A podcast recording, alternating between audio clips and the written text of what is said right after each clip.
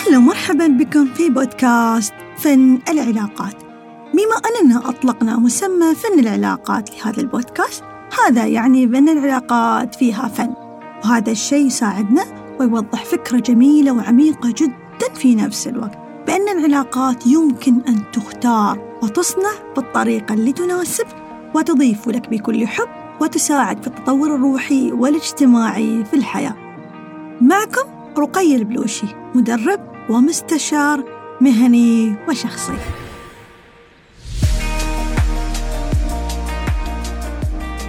سوف نتطرق في هذه الحلقة عن فشل الزوجين في التفاهم طبعا قبل البدء بالتعمق في الموضوع خلنا نوقف لحظة وندرك شو مفهوم الحقيقي للزواج. طبعا يعتبر الزواج من أقوى العلاقات الكونية وتكمن فيها الكثير من الأسرار. والسبب الحقيقي لاختيار الشريك الغير مناسب هو اعتقاد بأن الزواج نصيب وليس اختيار. وطبعا هالمعتقد يختلف فيه الكثيرين وفي كثير من الجدل في هذا الموضوع. وهالمعتقد طبعا انتشر عند الكثير بسبب المعتقدات الموروثة والوعي الجمعي. لكن الصدمة والخبر الجميل هنا بأن الزواج هو اختيار وليس نصيب أبدا. ولك كامل الحق بأن تختار من سيشاركك في هذه الحياة؟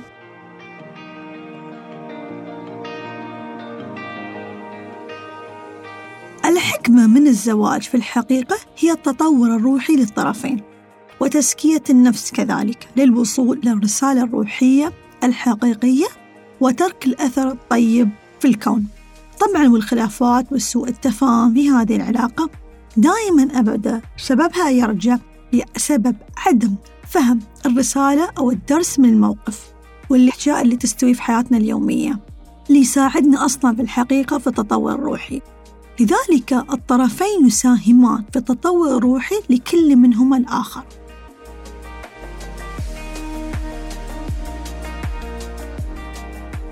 فطبعا التطور هذا ممكن يحصل بلطف أو بحب أو بألم وكيف ممكن نغيرها؟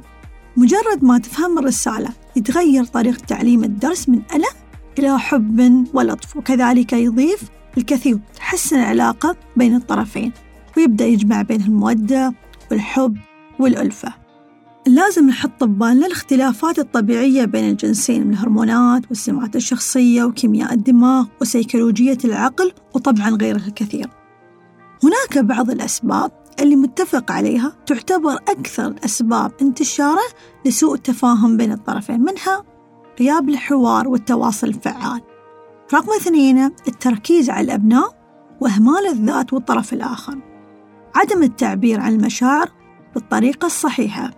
عدم التوافق بين القيم والآراء والهوايات. طبع العناد والعدوانية. عدم فهم احتياجات ورغبات الطرف الآخر. عدم فهم وإدراك قداسة العلاقة الزوجية. غياب الحب الغيرة الشديدة الرغبة في التملك المودة والسكن. طبعا ضعف الوازع الديني واضطرابات الشخصية لإحدى الطرفين أو كلاهما.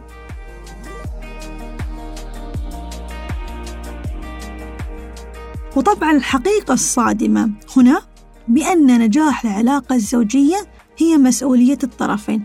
لكن سعادة هذه العلاقة هي مسؤولية الزوج.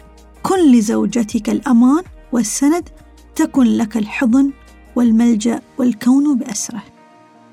كانت معكم رقي البلوشي مستشار ومدرب مهني وشخصي. إلى أن نلتقي أحبتي دمتم بود وسلام.